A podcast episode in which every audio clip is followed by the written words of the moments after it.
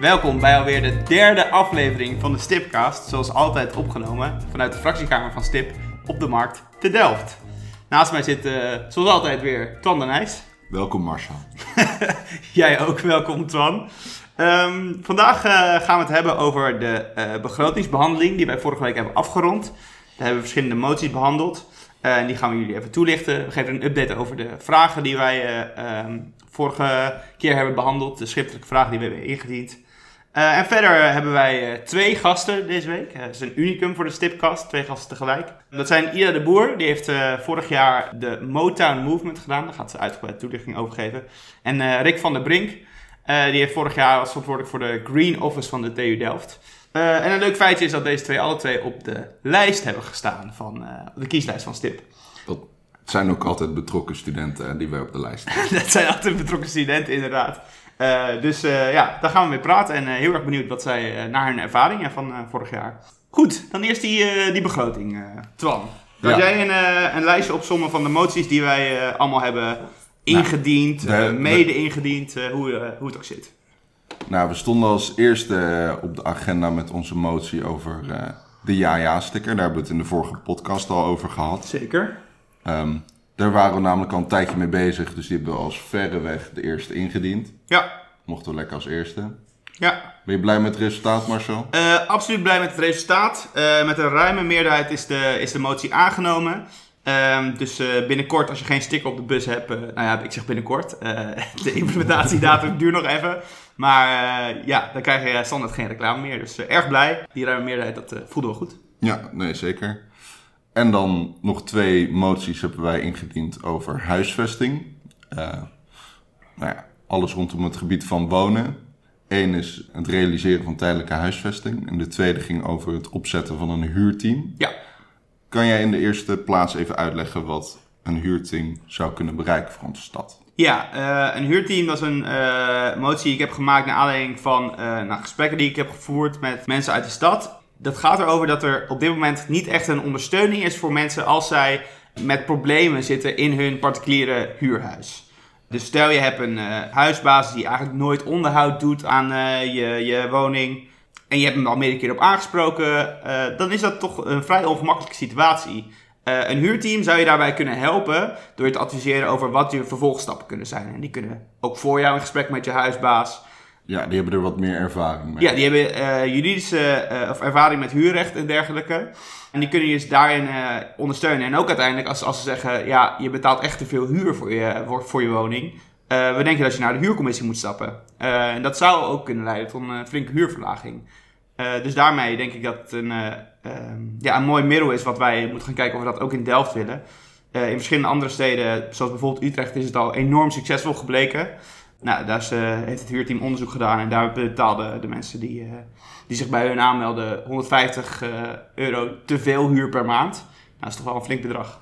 Ja, bizar. Nou ja, ik ben benieuwd naar de resultaten van het huurteam, want ook deze motie heeft het gehaald. Zeker, ook ruime meerderheid, uh, maar één partij voor, uh, ja, tegen. Alleen maar succes, hè Marcel? Zeker. Want ook de derde motie, alvast een spoiler, die uh, heeft het ook gehaald met de meerderheid. Ja, de tijdelijke huisvesting, ingediend door de Sibren. Ja, een motie, nou ja, er is een, een flink woningtekort en zeker onder jongeren en studenten. En het idee is eigenlijk dat je die tijdelijk tegemoet wil komen. Dus dat je op stukken grond die nog ontwikkeld moeten worden, die leeg staan. Uh, dat je daar gaat kijken of je een tijdelijke woning neer kan zetten. Omdat je, nou ja, het altijd nog beter is dan een camping bijvoorbeeld. Je wil gewoon zorgen dat iedereen in Delft zoveel mogelijk een goed dak boven zijn hoofd heeft. En daar gaat deze motie voor zorgen. Ja, om een beetje het, uh, het echte grootste nijpende tekort uh, tegen te gaan, inderdaad. Ja, zodat we ook wat meer ruimte krijgen om te bouwen en dat tekort in te halen. Ja, en dat waren dus de drie moties die wij uh, zelf hebben ingediend. We hebben ook nog meegedaan met twee andere moties. Uh, de eerste is uh, Housing First. Kan je daar iets over vertellen? Ja, Housing First is een concept dat als je nou ja, dakloos bent, ehm, dan moet je natuurlijk geholpen worden. Dat doen we in Delft al heel goed. Maar er zijn nog eh, verschillende concepten die je verder kan inzetten. En Housing First, dat draait eigenlijk om, je moet mensen zo snel mogelijk een dak boven hun hoofd geven. Dat heeft in andere gemeenten al tot grote successen geleid. En uh, daarom hebben we nou, zijn we hier met de ChristenUnie in opgetrokken, omdat het ons ook een heel goed idee leek. Ja, want het gaat hier natuurlijk om uh, mensen die uh, nu op straat staan en anders heel lang in een dakloze opvang zouden moeten slapen, um, die dan dus een huis krijgen en uh, daarvoor ook moeten meedoen aan intensieve begeleiding om te zorgen dat het dan uiteindelijk beter met ze gaat. Um, het zijn ook een aantal van die initiatieven die specifiek gericht zijn op jongeren. En dat hebben we dus ook in de motie gezet om die naar Delft te krijgen wij als politieke partij vinden het dan ook erg belangrijk dat juist jongeren een goede start krijgen. Omdat die natuurlijk nog een hele leven voor zich hebben. En dat is iets waar we vaker bij schuldhulpverlening eh, aandacht voor vragen. Dus uh, daar zijn we meteen bij aangesloten. En ook die uh, motie heeft het uh, met een grote meerderheid gehaald. Ja, en de, de, de volgende motie waar we aan hebben meegedaan, een belangrijke motie voor jou ook zeker, heeft het unaniem gehaald. Dat is ook wel een mooi signaal volgens mij. De motie heet naar een duurzaam, betaalbaar en dienstbare afvalscheiding in Delft. En jij kan me daar absoluut alles over vertellen. Nou, dat was een mooie lange titel voor een mooie lange motie. Zeker lange motie. Um, onze collega Tessa van de VVD die, die had een motie opgesteld om, om het over de afvalscheiding discussie te hebben. Want er zijn twee manieren om daar eigenlijk mee om te gaan. Je hebt bronscheiding, wat nu in een aantal wijken wordt ingevoerd. Dus dat is dat je alles in verschillende containers plaatst. En dan kan het zo goed mogelijk gerecycled worden. Juist. Dat is een hele goede oplossing. Maar dat werkt niet in alle wijken even goed. Sommige wijken hebben veel minder ruimte natuurlijk. Ja, en als je uh, met vijf verschillende zakken van de dertiende verdieping van een flat naar beneden moet lopen. Dat brengt wat uh, problemen met zich mee. En uh, is ook niet altijd even, nou ja, fijn voor de bewoners. Ja. Um, en gelukkig zijn er ook enorme ontwikkelingen, technische ontwikkelingen op het gebied van nascheiding. Dus dat betekent dat je het restafval en dan PMD-afval, dus als plastic, metaal en drinkpakken, die kan je wel weer gewoon bij elkaar doen. Zodat ze uh, in een nascheidingsinstallatie, dat het dan door machines voor je gebeurt. Ja, dus minder scheiding door de bewoners zelf ja. Dus daar komt nu een maatwerkaanpak voor. Um, dat er uh, gekeken kan worden in welke wijk werkt wat het beste, welke oplossing. Hoe houden we het betaalbaar mogelijk? En hoe zorgen we ook dat we onze duurzaamheidsdoelen halen? Want dat blijft echt een grote uitdaging als het om afval draait. Oké, duidelijk. Ik heb ook een kop gezien met uh, uh, Delft stop met scheiden of iets dergelijks. dat zit er dus niet in. Nou, voorlopig zie ik dat nog niet zo snel gebeuren. Ook omdat je gewoon bepaalde zaken echt nog steeds gescheiden moet inleveren. Ja. Bijvoorbeeld je glas, dat zal je nog zeker uh, de komende jaren... Ja, papier ook. Uh, papier, papier als je, nou ja, het klinkt heel logisch. Als je papier bij GFT doet, dus bij je vieze eten, ja. dan wordt het nat en heb je er helemaal niks meer aan. Precies, precies. Ja, zelfs dat je geen pizzadozen met uh, vetvlekken erop weggooit. Tip voor als je het nog niet weet. Ja, restafval is dat, geen papier. Precies. Alright, dus uh, uiteindelijk vijf moties, ofwel zelf ingediend ofwel mede ingediend. En, ja, nou, ja die uiteindelijk daadwerkelijk zijn ingediend. Ja, precies. Dus een succesvolle begroting volgens mij voor ons. Ja, nee, we mogen tevreden zijn Marcel. Zeker, zeker. Dan nog een hele kleine update over een onderwerp waar we het vorige keer over hebben gehad. We hebben het gehad over schriftelijke vragen die we hebben gesteld. over onder andere duurzaamheid en de verkeerssituatie bij het achterom. Daar hebben we helaas nog geen reactie op gehad. Dus ja, die houden hier van ons te goed. Ja, ja wij, wij zitten gewoon vol anticipatie op het puntje van onze stoel, net zoals jullie. Ja, we hebben begrepen dat ze echt binnenkort eraan komen. Dus ja. Volgende keer. Laten we het hopen. Zeker. Goed, we gaan door naar onze gasten. En daarmee sluit ik dit deel van de podcast af.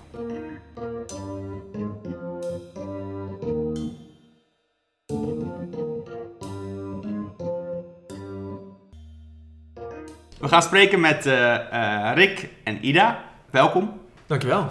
Ja, leuk om hier te zijn. Ja? ja. Mooi, dat is fijn. Nou, ik heb je al aangekondigd. Uh, Rick, jij bent onderdeel van de Green Office van de TU Delft. Of was het vorig jaar in ieder geval. ik begrijp dat er een naamswijziging is gekomen. Ja, klopt.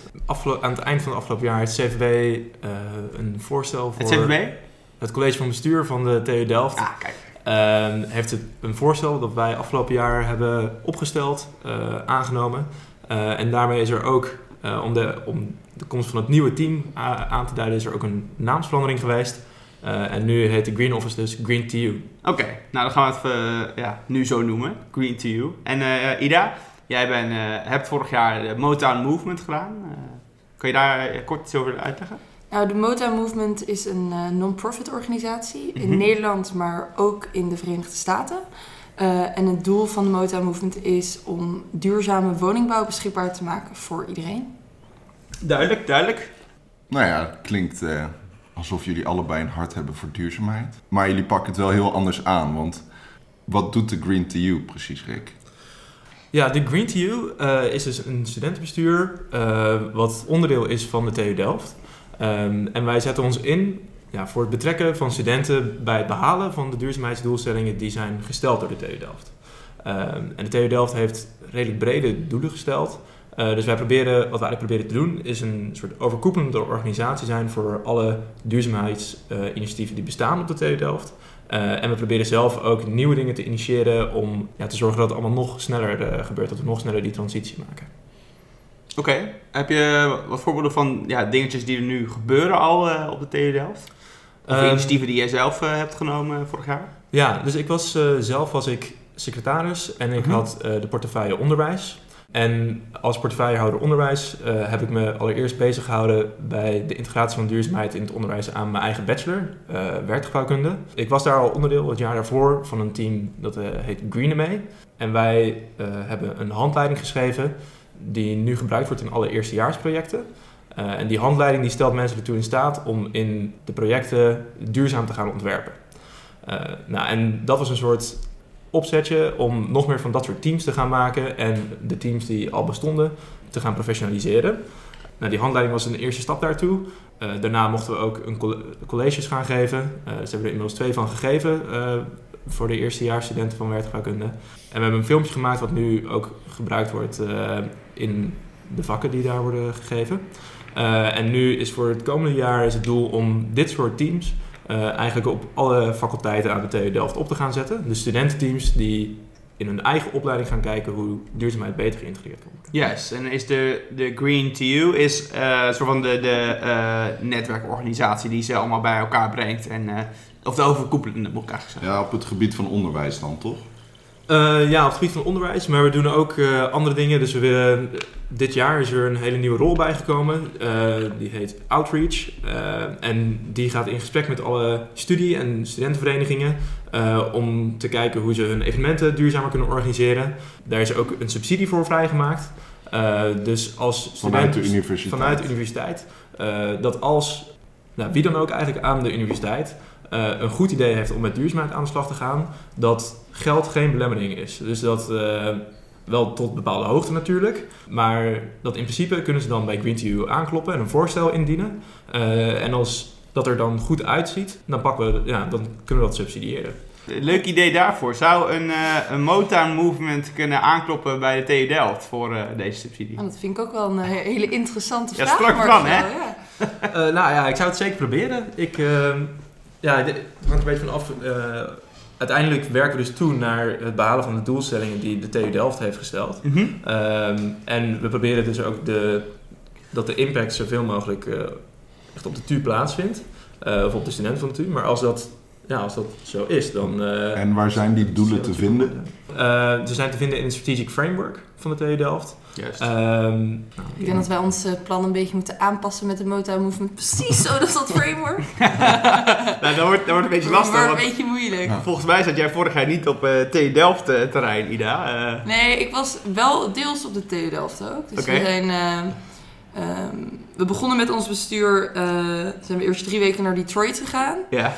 Um, en dat is omdat onze organisatie richt zich op duurzame woningbouw voor iedereen. Uh, dus de huidige technieken zijn vaak zonnepanelen of warmtepompen. En die zijn voor ja, het gros van de mens gewoon niet te betalen. Mm um, dus wij focussen ons juist op uh, technieken die iedereen met elk budget zou kunnen implementeren. Maar dat zullen, kunnen ook levensstijldingen zijn. En we proberen die echt aan de man te brengen. En drie jaar geleden um, waren er drie jongens aan het reizen in Amerika. Drie bouwkundestudenten. En uh, toen kwamen zij aan in Detroit. En je moet je voorstellen dat er in Detroit heel veel verlaten gebouwen zijn, heel slecht onderhouden. En het wordt in de winter super koud daar. Ehm, dus zij dacht van, nou ja, dit is echt de perfecte plek om te testen eh, of deze methodes echt te implementeren zijn. Ehm, en de mensen daar die hebben het geld ook heel hard nodig. Eh, een aantal jaar geleden is Detroit als stad ook failliet gegaan.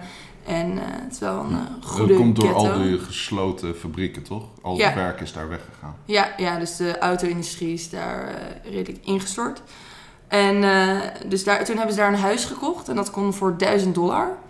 Ehm, Zegt ook al veel, denk ik. Ja, ja nou ja, de, Detroit is zelf ook bezig met hoe kunnen we onze, het leefbaarder maken in de stad. En als er allemaal leegstaande huizen staan, dan wordt het niet echt leefbaar. En dan gaan er gewoon, er zit ook wel best wel veel drugsverslaafden in die huizen daar. Dus juist door te verkopen voor een lage prijs heeft het veel meer impact op eh, de samenleving daar. Toen hebben zij een huis gekocht en eh, ja, die heb ik afgelopen half jaar zijn we ook bezig geweest met het renoveren van dat huis. Om het uiteindelijk eh, wordt het een showcase voor de mensen daar. Om, dat ze daar binnen kunnen komen en dat er kan worden uitgelegd van joh, dit kan jij doen met jouw budget momenteel. Dus nee, ik ben niet de hele tijd hier in Nederland geweest, deels in Detroit. Maar ben ook hier geweest om te kijken eh, wat we hier zouden kunnen betekenen. Omdat eh, ja, hier ook niet iedereen eh, zonnepanelen kan betalen of een warmtepomp. En dat je ook voornamelijk bij woningcorporaties ziet dat het heel moeilijk is. ja, wie betaalt er uiteindelijk voor die verduurzaming? Ja. Ehm, en ja, als mensen zelf iets kunnen aanpassen waardoor hun energierekening omlaag gaat en duurzamer kunnen wonen, is dat natuurlijk ook eh, heel mooi. Dus daar heb ik ook een beetje in Nederland eh, onderzoek naar gedaan. En hoe ben je bij de Motown Mov- Movement terechtgekomen? Ja, drie jaar geleden kwam het toen in het nieuws eh, dat drie studenten van bouwkunde een huis hadden gekocht voor 1000 dollar. Dat vind ik super cool gewoon. Mensen die lekker gaan ondernemen en denken, laat het maar gewoon doen. Die hands-on mentaliteit echt. En toen had een vriendin van mij het jaar voor mij in Detroit gezeten. En toen weet ik dat zij op het vliegtuig stapte. Of dat de dag ervoor, daarna, eh, ervoor kwam ik tegen Albert Heijn. En toen zei ze van... Ja, ik, eh, ik ga eh, morgen naar Detroit. Ik, wow, dat is echt vet. En toen ging er zo'n lampje branden boven me van... Oh, dit kan ik eigenlijk ook gewoon doen. En echt super veel van geleerd. En heel, heel tof project. Heel nice. Dus alle twee vorig jaar een mooie, ja, mooie uitdaging gehad. Een heel tof studenteninitiatief volgens mij gedaan. Maar eh, ik heb begrepen, en eh, ja, ik weet niet of Twan het mij net heeft ingefluisterd, maar eh, of dat het al langer speelt, maar eh, dat jullie nog niet klaar zijn met eh, mooie dingen doen in deze wereld. Je inzetten voor in de deze maatschappij. stad misschien zelfs. Ja, jongens. Er staat jullie wat te wachten. Ik heb eh, deze week de trieste eh, nou ja, taak volbracht om mijn ontslagbrief in te dienen. En mijn collega Sebren heeft dat eh, ook moeten doen. En dat betekent dat er twee plekken vrijkomen in de gemeenteraad. En we hebben jullie daarvoor eh, in gedachten. Wacht, wat? Ja, eh, Rick en Ida eh, zijn de nieuwste aanwinst voor, het, voor de stipfractie. Eh, Dit wisten we natuurlijk al. eh, dit wisten we natuurlijk al, We zeker hebben al een tijdje. een tijdje Ja. ingelezen. De voorbereiding nemen we wel serieus, dus eh, het kan Ja. geen verrassing Nee, zijn geweest. was, nee. Al een paar, al, eh, ja, een paar maanden erop uh, Rick en Ida mee. Ja. Ja. Maar ja, het, het zit er wel echt bijna aan te komen. Dat betekent dus ook inderdaad dat we gaan afscheid nemen van Twan en Sibren. Ja. Na een eh, drie jaar inmiddels in de gemeenteraad en ook, eh nou ja, aantal jaren actief lid daarvoor, is mijn eh, tijd als raadslid eh, tot een einde gekomen. Maar is het echt... eh, je, je stiptijd is nog niet voorbij, toch? Nee, nee, ik blijf eh, betrokken bij de partij. Eh, Marcel is zo vriendelijk geweest om mij ook voor de volgende podcast alvast uit te nodigen. Dus ik mag nog steeds komen babbelen. Absoluut, absoluut. En ik, eh, nou, ik blijf ook betrokken binnen de vereniging. Ben ik eh, nu aan het kijken hoe we de tussentijdse promotie eh, kunnen runnen. Dus eh, dat wordt heel interessant. Dus ik ben niet helemaal weg, maar ik eh, ga wel een stap terug doen. Het is ook wel goed om eh, niet de hele tijd in de picture te blijven. Want jullie moeten gaan shinen, jongens. Ik heb er heel veel zin in. Ja, ik ook. Ja. Mooi. Dus eh, ja, als je erbij wil zijn, eh, de raad van eh, 28 november worden Rick en Ida geïnstalleerd. En eh, gaat Twan afscheid nemen. Dus jullie zijn alle uitgenodigd, eh, lieve luisteraars. Ja. En als jullie dat emotionele moment niet aankunnen, eh, we kunnen ook gewoon om 9 uur afspreken in de wagen. Dan gaan wij, zijn wij nog aan het vergaderen, maar jij eh, mag daar prima af gaan zitten, inderdaad. Ja. Goed, Rick en Ida, ik wil jullie bedanken voor jullie aanwezigheid in de podcast. En eh, eh, ja, wellicht zien jullie er wel eh, later terug als eh, nog een wel, keer hè? gast, hè? Ja. Ja. Dank. Dankjewel. Dank. Dit was dan eh, weer de eh, derde aflevering van de Stipcast. En we hebben deze keer afgesproken dat Twan de afsluiting doet. Dat hebben we helemaal niet afgesproken, maar eh, prima.